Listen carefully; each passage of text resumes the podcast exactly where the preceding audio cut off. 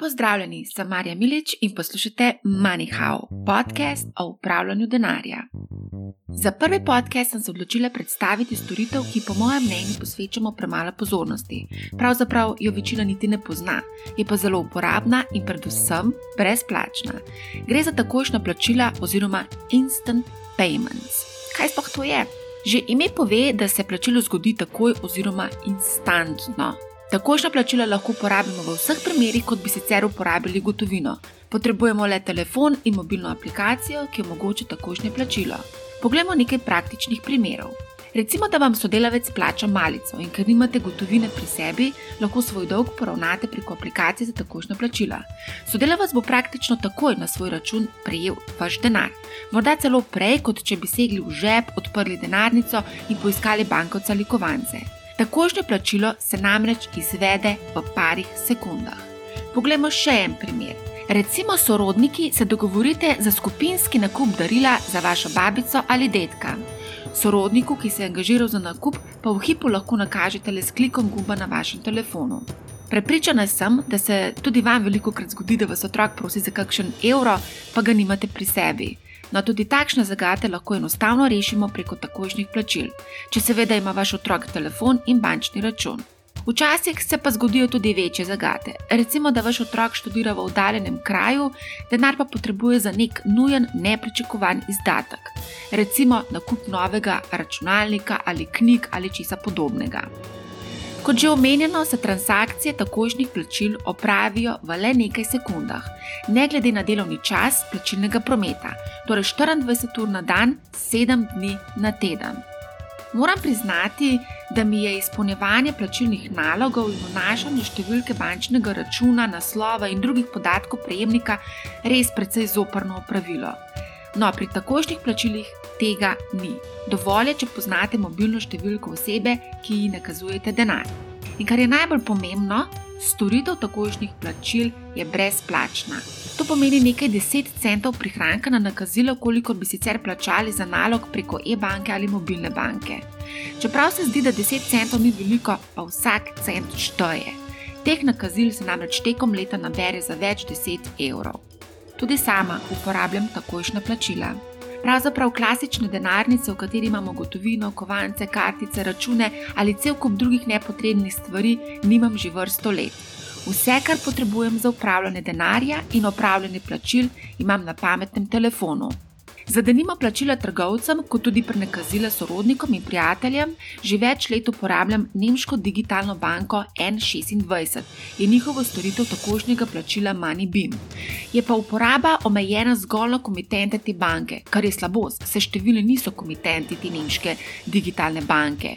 To slabost zdaj odpravlja slovenska pogruntavščina storitev Flick, ki je pri nas zaživela v začetku lanskega leta. Gre za schemo takošnjih plačil, v kateri so povezane vse banke, ki delujejo pri nas. Torej, Flick omogoča takošna plačila in nakazila med komitenti različnih bank v le nekaj sekundah. Čeprav so takošna plačila zelo uporabna storitev, pa ugotavljam, da jo številni ne poznajo.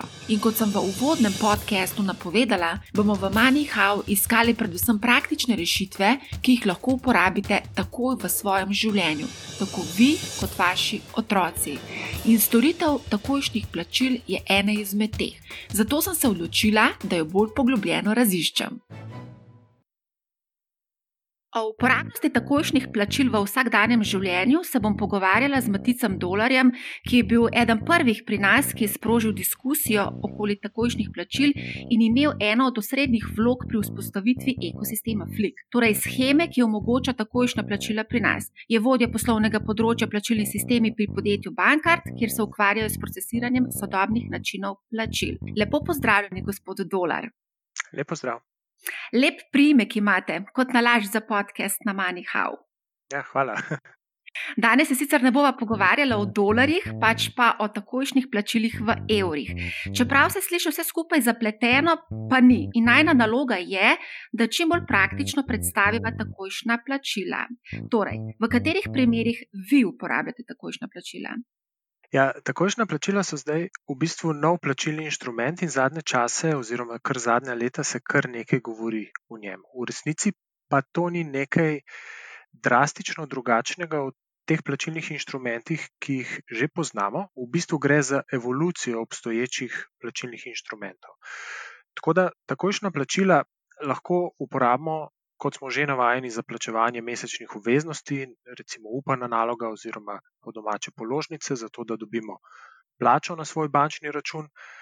Zaradi svojih lastnosti pa jih lahko uporabimo tudi tam, kjer smo do zdaj uporabljali gotovino. Tako da recimo jaz takošne plačilo uporabim za to, da vrnem bratu denar, ker je pri nakupu v trgovini nekaj vzel še zame, zato da lahko otroku nakažem recimo žepnino, oziroma štipendijo, zato da si ženo izmenjava denar, ko gremo sodelavci na, na malico, si en plača s kartico, ostali mu vrnemo svoj znesek malce, in pa eh, cel kup še nekih drugih primerov. Letos lahko pričakujemo precej več diskusije okrog takojšnjih plačil, verjetno tudi zaradi tega, ker je Evropska centralna banka sprejela sklep, da se morajo do novembra leta 2021 v vse evropsko plačilno infrastrukturo, tako imenovano TIPS, vključiti vsi udeleženci plačilnega sistema, torej tudi vse banke, ki delujejo pri nas. Kaj konkretno to pomeni za nas, uporabnike bančnih storitev?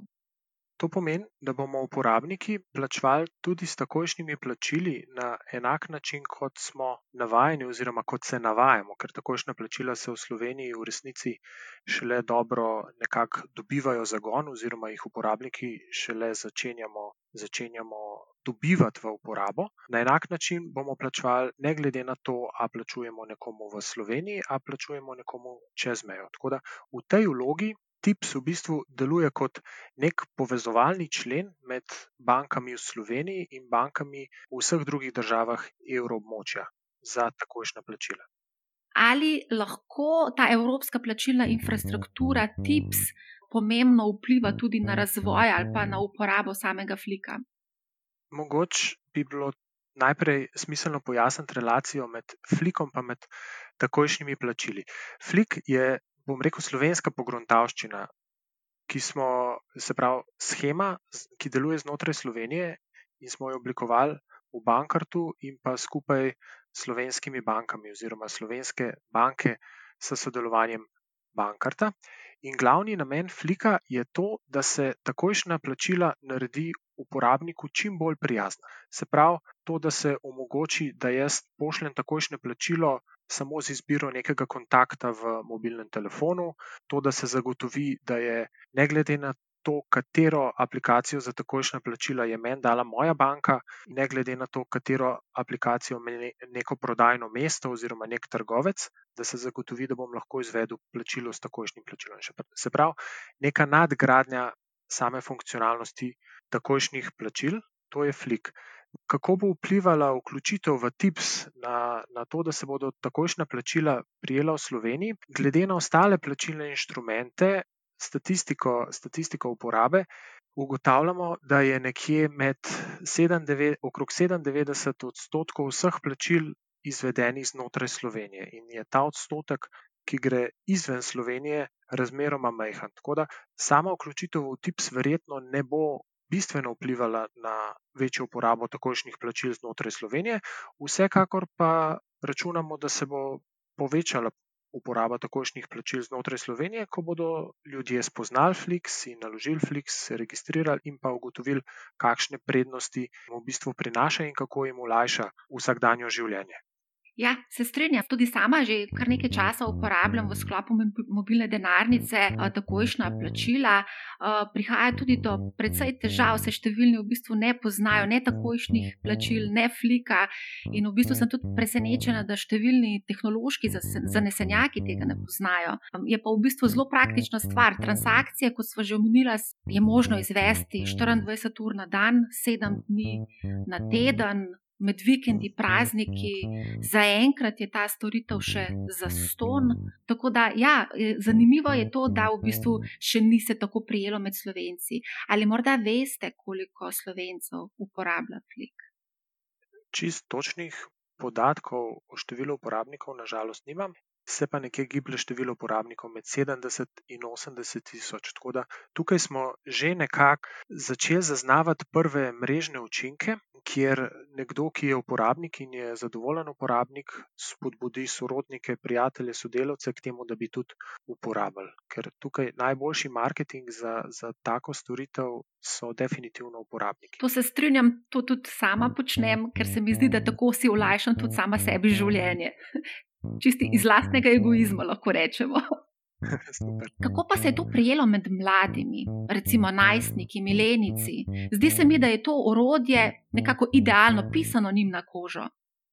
Nekaj statistike, kakšna je struktura po, uporabni, po uporabnikih, po starosti, nimamo.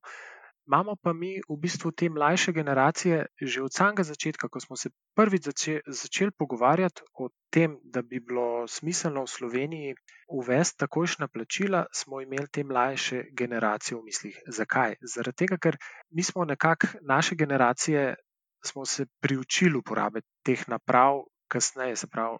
Nekako skozi svoje odraslo življenje smo do tega prišli, medtem ko te mlajše generacije odraščajo s temi pravami. In tukaj je vse, tukaj je e, elektronska pošta je že za njih zastarel inštrument, kljub temu, da v nekaj sekundah obkrož svet. Vse mora biti takoj, vse mora biti instantno. In kako, kako bi lahko nekomu, ki pripada taki generaciji, razložil, da pa nekje pri plačevanju obstaja urnik plačilnega prometa in to dela samo od te ure in te ure na delovne dneve, kadar je praznik, če je veliki petek, recimo, ki v Sloveniji sploh ni praznik, pa plačilni promet ne deluje, ker ne delujejo vse evropski plačilni sistemi. Bla, bla, bla. Vse to je nekako nepredstavljivo za nekoga, ki je navaden, da se vse zgodi takoj, zakaj denar ne bi mogel potovati takoj. Tako, da, tako kot sem rekel, vse čas pri dizajnu flika oziroma pri dizajnu takošnih plačil imamo v mislih. Te generacije, da bi čim bolj naslovili njihove potrebe, oziroma jim zagotovili tako storitev, kot jo oni pričakujejo. Dejva se dotakniti še stroškov. Na hitro sem preletela cenike bank in gotovila, da nekatere banke v cenikih navajajo to storitev kot brezplačno, torej navajajo takojšna plačila oziroma flik storitev, druge pa v cenikih tega sploh ne omenjajo. Drži. Se pravi, prej ste omenili Number 26, recimo, in kar nekaj slovencev nas to storitev, nas to storitev oziroma imamo račune odprte pri Number 26 in tam smo navajeni, da so MoneyBeam nakazila brezplačna. Tudi marsikšne druge neke fintech rešitve so brezplačne za končne uporabnike in potem dejansko do prihodkov pridejo na druge načine. Tako da osnovna predpostavka, ko smo z bankam oblikovali Flik, je, da mora biti to neka storitev, ki je za fizične osebe brezplačna. Se pravi, Flik med fizičnimi osebami je brezplačen. Prav tako bodo za plačnike fizične osebe brezplačna plačila na prodajnih mestih, ki bodo nekako v drugem, drugem kvartalu letošnjega leta, upamo, da res zaživela na prodajnih mestih, medtem ko drugo so pa sama takojšna plačila. V, v smislu, da plačujem s takojšnjim plačilom neko mesečno obveznost ali pa prejmem plačo ali pa delam kakršno koli drugo plačilo na klasičen način, se pravi ne s tem, da izberem prejemnika iz telefonskega imenika. Tukaj je pa čisto odvisno od poslovne politike posamezne banke. Verjetno bo kakšna banka to ceno postavila više od cene klasičnih kreditnih plačil, ker konec koncev gre le za boljšo storitev, za takošno storitev, za, za izvedbo v nekaj sekundah. Kakšna banka bo izenačila to ceno, kakšna banka pa bo mogoče tudi to ponudila brezplačno. Tako da v tem primeru je smiselno se mal pozanimati oziroma malo pogledati cenike, če imate potrebo izvajati taka plačila. Dajva se dotakniti najprej na 26 nemške digitalne banke. Po zadnjih podatkih finančne uprave je skoraj 20 tisoč slovencev komitentov te banke, neuradno naj bi bila številka še bistveno višja, saj vsi niso prijavili teh računov FURSU, pa bi morali. Če še dodam, tudi sama uporabljam na 26 in pa njihovo storitev MoneyBeam, ki ponuja instanten prenos denarja med uporabniki N26. Dajva mogoče pojasniti razlike med flikom Flikom pa MoneyBeamom? Cilj obeh je, je enak.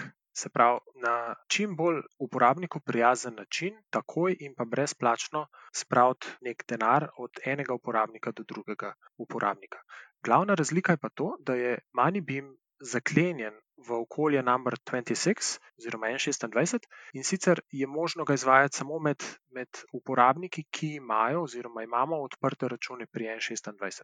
Medtem ko Flick je pa mogoče izvajati med uporabniki oziroma komitenti katere koli slovenske banke, ki so se seveda registrirali v Flick. Torej, jaz imam recimo banko, delovsko hranilnico, vi imate NLB in med nama transakcija v bistvu takoj v parih sekundah steče. Tako. In s tem, ko moja aplikacija se obarva zeleno, s tem, ko mi reče, plačilo je uspešno, mora biti denar na vašem računu in lahko z njim prosto razpolagate. To je glavna lastnost takošnjih plačil. Se pravi, 24-7 so na voljo in pa prejemnik plačila lahko takoj razpolaga sredstvi. Kaj pa, če recimo uporabnik ni registriran, oziroma oseba ni registrirana v Fliku, ali dobi obvestilo, da mu neka oseba želi nakazati denar preko Flika? Aplikacije načeloma obvestijo, se pravi, če jaz poskusim če izberem nek kontakt iz mojega telefonskega imenika, pa ta kontakt še nima flika, aplikacija to ugotovi in mi da možnost, da pošljem temu uporabniku SMS in ga, in ga povabim k temu, da si namesti flik oziroma da se registrir, registrira v flik. Tako da nek ta mehanizem je vzpostavljen. Uh, še eno zadevo bi rada preverila, glede samih uh, stroškov. Ali lahko, to je zdaj čisto špekulativno, ta storitev v prihodnje postane tudi plačljiva? Lahko. Tukaj je konec koncev gre za poslovno politiko bank. Je pa flik, kot smo, se, kot smo prej že ugotavljali, je flik schema. In to pomeni, da banke sprejemajo odločitve v okviru scheme. In izkušnje iz tujine kažejo, da se za take vrste transakcij, ki jih omogoča flik, bolj pozitivni učinki kažejo, če je storitev brezplačna za uporabnike. Kako pa je recimo recimo, da želim vam nakazati 10.000 evrov. A je kakšna zgornja meja teh nakazil in plačil? Pri Fliku je trenutno dogovorjena zgornja meja 15.000 evrov, se pa vsaka posamezna banka lahko odloči tudi za nižjo omejitev. Se pravi, prej smo rekla delovska hranilnica. Delovska hranilnica bi se lahko odločila, da to omejitev zniža na način, da upravlja tveganje oziroma da zaščiti uporabnike pred vem, napako ali pa mogoče kakšno zlorabo in si uporabnik načeloma lahko v nastavitvah aplikacije sam dvigne to mejo. Medtem ko sama omejitev za takojšna plačila, omejitev zneska za takojšna plačila, ki grejo preko plačilnega sistema, ki ga bankar upravlja, je pa 100 tisoč evrov. Se pravi, za neka takojšna plačila iz elektronske banke ali pa mobilne banke na klasičen način, se pravi na način, kjer unesem IBAN prejemnika plačila, bom lahko poslal 100 tisoč evrov, če jih seveda imam na računu. Dajte mi še to povedati. Recimo, da kupujem avto od vas, rabljen avto za 10.000 evrov in se dogovoriva za to transakcijo. Torej, jaz vam lahko v momentu nakažem, v petih sekundah dobite denar na računu 10.000 evrov. Tako. In to brezplačno. Ja. Omenili ste, da lahko banke pri takošnih plačilih same določijo različne omejitve višine zneska, predvsem zato, da zaščitijo komitente pred morebitnimi napakami oziroma zlorabami. Um, marsikdo vsem tem finančnim mobilnim aplikacijam ne zaupa, zato jih tudi ne uporabljajo, oziroma jih je strah uporabljati. Do kakšnih zlorab pravzaprav lahko pride, oziroma omenjate tudi napake, ali mi lahko nekdo, recimo, pomotoma nakaže 15.000 evrov. Seveda se to lahko zgodi, ljudje se, ljudje se motimo. Tako da na splošno, mogoče najprej pojasnilo, flik oziroma sama takojšnja plačila so zelo varna, ker sam proces plačevanja zgleda tako, da plačevanje vedno začne tisti, ki plačuje. Se pravi, denarja, denarja ne zahteva prejemnik plačila, tako kot pri direktnih obremenitvah oziroma pri podomače trajnikih, ampak ga vedno začnem jaz kot plačnik. Pri vstopu v aplikacijo je vedno potrebno vnesti PIN ali pa se predstaviti s biometrijo, enako pa velja tudi za vsako transakcijo, se pravi, vsako transakcijo potrdim. Ampak vsekakor je pa treba upoštevati tudi dobro prakso in sicer, da tega pina ne povem nikomor, da sem, če vnašam pin, pozoren, če me kdo opazuje in tako naprej. Tukaj lahko mogoče delim anegdoto, ki se je meni osebno zgodila in sicer ženi sem želel poslati zahtevek za plačilo, ampak ker ji ponavadi pošiljam denar, sem tako navajen bil, oziroma nek mišičen spomin imamo v prstih, da, da ji um, pošljem in na mesto zahtevka sem ji dejansko poslal ta denar, ki sem ga želel od nje zahtevati. Tako da take, na take stvari je treba biti pozoren. No, žena se verjetno ni pritoževala. Ni se je pa mal, ko sem pol zahteval vse, um, da mi vrne. Torej, glede na to, da je tako zaščiteno, v primeru, če se nam slučajno zgodi, da nam telefon ukradejo ali pa ga izgubimo, potem je tudi v bistvu poskrbljeno za varnost, razen če nam kakšen hacker ukrade telefon. Tako, tukaj pri Flick aplikacijah je varnost na enakem nivoju kot v mobilnih bankah. En od varnostnih elementov je recimo, da si aplikaciji ne morete namestiti na telefon, oziroma lahko si jo namestite, ampak ne morete jo uporabljati, če nimate na telefonu nastavljene vsaj osnovne zaščite za zaklepanje telefona, se pravi PIN, prstni vtis, vzorc. Tako kot sem že rekel, aplikacija sama zahteva PIN, zahteva biometrijo, treba je potrditi vsako transakcijo. Tako da, tudi če vam ukradejo telefon ali pa ga izgubite, ni samo umevno, da bo, da bo najditelj ali pa tat kar začel plačevati s flikom. Vseeno je pa dobro, da, da izgubo ali krajo čim prej javite banki ali pa bankar tukaj lahko na, um, oddaljeno onemogoči to aplikacijo. Naš bančni račun je povezan v bistvu s številko mobilnega telefona, in če sem prav seznanjen, tudi z elektronsko pošto. Je tako? Če je banka ta podatek omogočila za, za registracijo s flikom. Kaj pa v primeru, ko zamenjamo telefonsko številko? Tukaj tudi dobra praksa, kadarkoli menjamo telefonsko številko, sporočite to banki. Banka vam bo novo številko vnesla v sistem, in pa prek aplikacije boste dobili obvestilo, da je zdaj pa možno dodati novo telefonsko. Tako da se prijavite v aplikacijo, onemogočite staro telefonsko, omogočite novo in boste že lahko prejemali denar, tako da poveste novo telefonsko svojim, svojim potencijalnim pošiljateljem denarja. Vsi pa niso pripravljeni na takšen digitalen način življenja. Recimo, že v uvodu sem omenila, da sama gotovine ne uporabljam že vrsto let in da vse počnem preko digitalnih kanalov. Korona kriza nas je vse malce prisilila tudi k takšnemu načinu življenja. Um, uh, v času korona krize se je namreč uporaba gotovine bistveno zmanjšala, uh, to je bila tudi posledica omejene potrošnje. Je pa zanimivo, Banka Slovenije takoj po prvem valu zaznala tudi naval popraševanja po gotovini. Kakšno je vaše mnenje o tem in kako ste čutili koronavirus na fliku?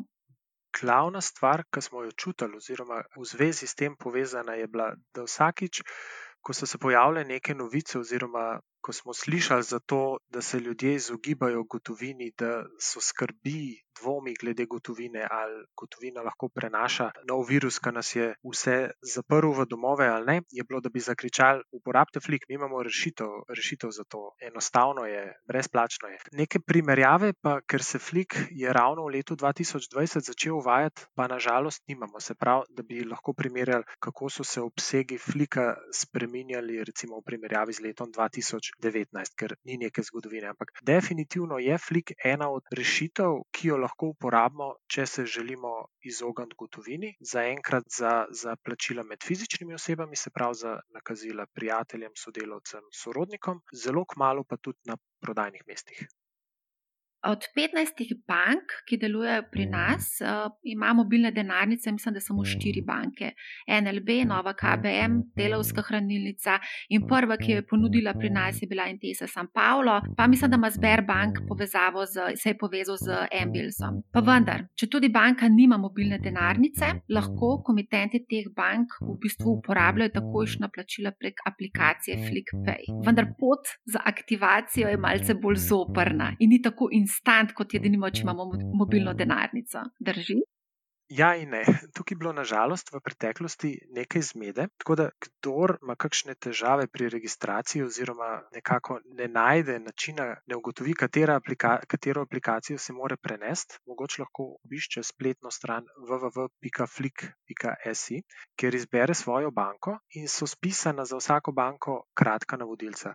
Registracija sicer je odvisna od vsake posamezne banke. Nekatere banke so uspele to omogočiti na uporabniku zelo enostaven način, recimo te banke, ki ponujajo tudi mobilne denarnice.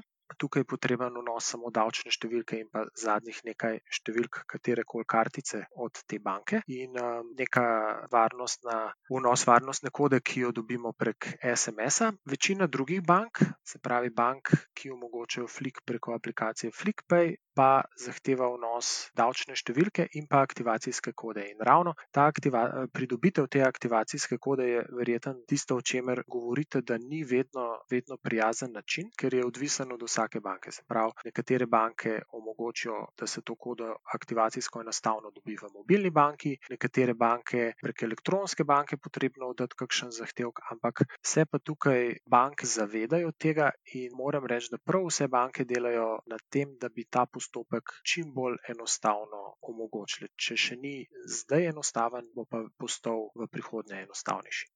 Sem uporabnik eh, iOS operacijskega sistema in v preteklosti sem imela kar nekaj težav pri uporabi raznih aplikacij, tudi pri izvrševanju plačil.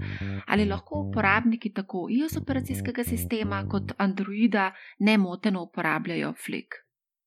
Jaz sem tudi uporabnik iOS uh, operacijskega sistema in sem tudi pilotski uporabnik FlickPay aplikacije že od sredine leta 2019, tako da sem v tem času naredil kar nekaj transakcij in pri uporabi same aplikacije ni težav. So pa določene omejitve pri dostopu do NFC-ja.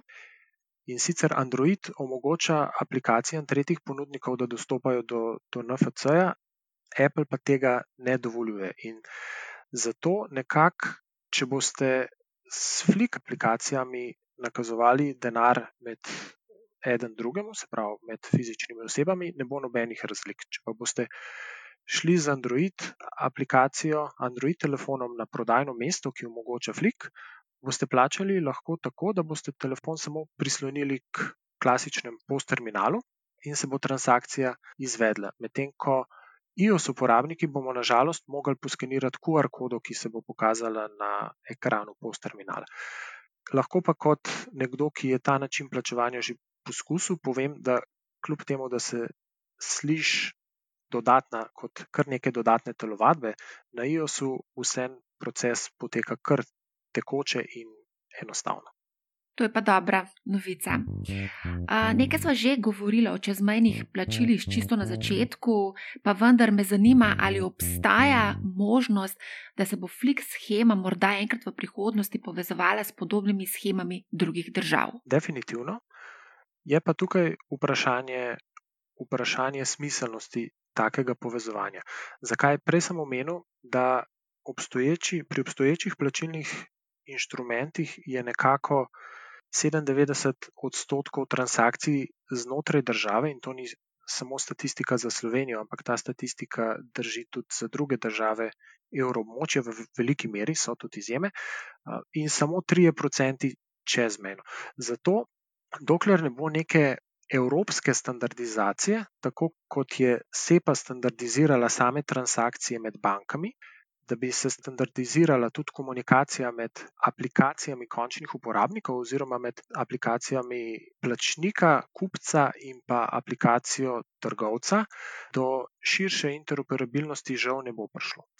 Smo se pa v Bankartu in pa slovenske banke tudi že malo pogovarjali s predstavniki schem v drugih državah in tukaj iščemo sinergije in pa možnosti da bi se povezali, tako da do nekih bilateralnih povezovanj pa čisto možno, da v prihodnih letih bo prišlo.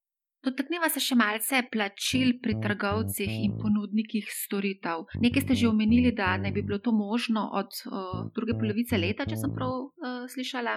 Tako, Flik je že na nekaj prodajnih mestih testno omogočen, nekega širšega rollouta oziroma uh, širše širitve med trgovce pa še ni bila narejena zaradi določenih uvir, ker se rešuje še, še zadnje nekako regulatorne ovire, do katerih tukaj prihaja, in pa seveda čakamo, da se prodajna mesta odprejo. Ker tudi, ko se bodo prodajna mesta spet odprla, verjetno njihova prva skrb ne bo to, da uvajajo nove plačilne storitve, ampak se bodo poskušali v čim krajšem času vrniti na neke ustaljene tirance. Skratka, vse je pripravljeno, vse tudi deluje, preverjeno, ampak čakamo, da se nekako naredi še zadnje pike na i in pa da se življenje spet mal vrne na ustaljene tirnice, potem bomo pa s flikom lahko tudi pri trgovcih plačali. Če prav razumem, je to lahko tudi neka alternativa post terminalom. Torej, ne bomo več rabili vleč kartice, pa upisovali PIN kode. Tako, tukaj ima flik, oziroma na splošno takošna plačila in pa plačilne kartice, imamo tukaj skupnega sovražnika. Ta sovražnik je gotovina. Ne tekmujemo neposredno s plačilnimi karticami. Plačilne kartice so super in jih bomo, kljub temu, da je prišel flik, verjetno vsi še s pridom vnaprej uporabljali.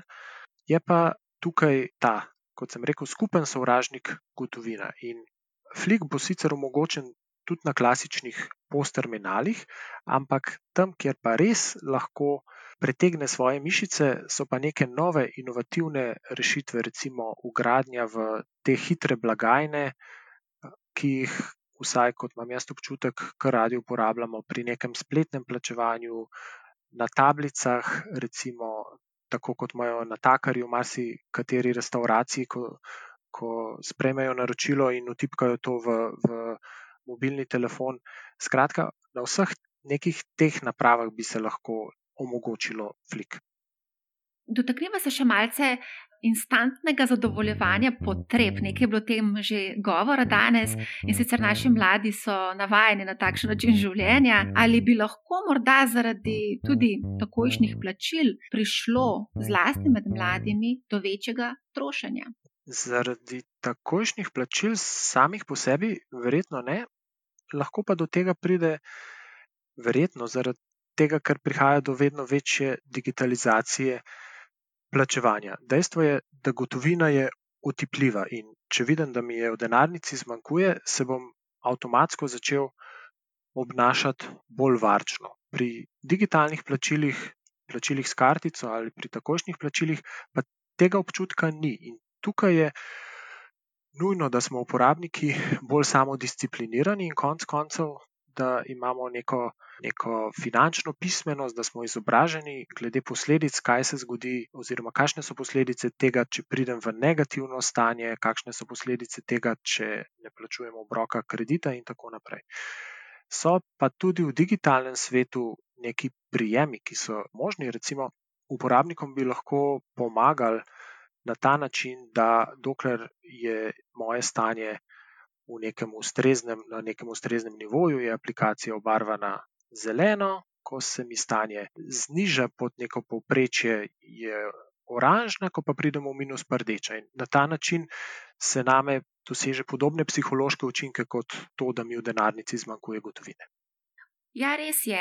Naši starši in stari starši, tako kot smo ugotovili že na začetku, so precej vajeni gotovine, mlajši odraščajo z vsemi temi napravami in seveda so veliko bolj z tega vidika pismeni, vendar pa je finančna pismenost nekaj popolnoma drugega. Zanimivo bo seveda tudi spremljati, ali se bodo naši otroci pri predmetu gospodinstvo in državljanska vzgoja, ker se namreč namreč učijo tudi o osnovah uh, osebnih financ, učili tudi o takojšnjih plačilih. Pa ne samo o takojšnjih plačilih, morda tudi o vseh drugih novitetah. Kot vemo, področje financ se izjemno hitro razvija, zlasti v zadnjih letih, in upajmo, da učitelji so kos vsem tem novitetam in vsem tem trendom. Uh, če ne učitelji, pa morda lahko starši prevzamejo pobudo in otrokom predstavijo, recimo, takojšnja plačila sigurno. Deva se postaviti v vlogo futurista, kako bomo poslovali z bankami v prihodnje, recimo leta 2030. Veliko se govori o digitalnem evru, fintech je v popolnem razmahu. Na eni strani raste število digitalnih bank, pa cel kup digitalnih rešitev, na drugi strani imamo klasične banke, ki uvajajo ležarine in tako dalje. Kje bomo leta 2030? To je verjetno najtežje vprašanje do zdaj, ker mislim, da se bo zgodilo, da predvsem bank ne bomo več osebno obiskovali, oziroma to se bo verjetno zgodilo že veliko prej kot leta 2030. Trenutno, tako kot smo navajeni, so banke nekako doma na pametnih mobilnih telefonih. Ampak v resnici so pa mobilni telefoni samo nek umestnik oziroma neko sredstvo za identifikacijo, tako kot so bile še pred kratkim izključno plastične plačilne kartice. Tako da v prihodnje, kar se bo verjetno zgodilo, je, da bo proces plačevanja postal še bolj neviden in nam, uporabnikom, kupcem, na samo plačilo sploh ne bo treba več misliti. Nekako po vzoru trgovin Amazon Go, kjer se mi izdelek zaračuna, ko ga vzamem z police, če ga slučajno vrnem, dobim znesek takoj nazaj. To odpre cel kup nekih novih izzivov, recimo, kakšen je učinek na zasebnost. Prej sem že omenil potrebo po samodisciplini, in tako naprej. In to je v bistvu tisto, s čimer se bodo v ozadju ukvarjale banke in pa drugi ponudniki plačilnih storitev, finteki, TPP in tako naprej. Medtem ko bomo pa mi, uporabniki, svoj čas porabili za kaj drugega kot iskanje kartice v denarnici ali pa za odklepanje telefona. Uh, mislim, da smo povedali več ali manj vse, kar moramo vedeti o takojšnjih plačilih. Gospod Dolar, najlepša hvala za zanimiv pogovor. Hvala. Če vam je bila oddaja všeč, se naročite na MoneyHow, ne bo vam žal. Več o tehnologiji in o tem, kako lahko hitra plačila spremenijo svet podjetništva, pa boste lahko slišali v novem biznis podkastu 99 Problems, ki prihaja k malu. Oba podcasta, tako MoneyHow kot 99 Problems, sta del ekosistema businessspace.com. Vabim vas, da obiščete spletno stran ali nam sledite na katerem od družbenih omrežij. Toliko za danes, imajte se lepo in ne pozabite, denar ne dela za vas in ne vi za denar. Lep pozdrav!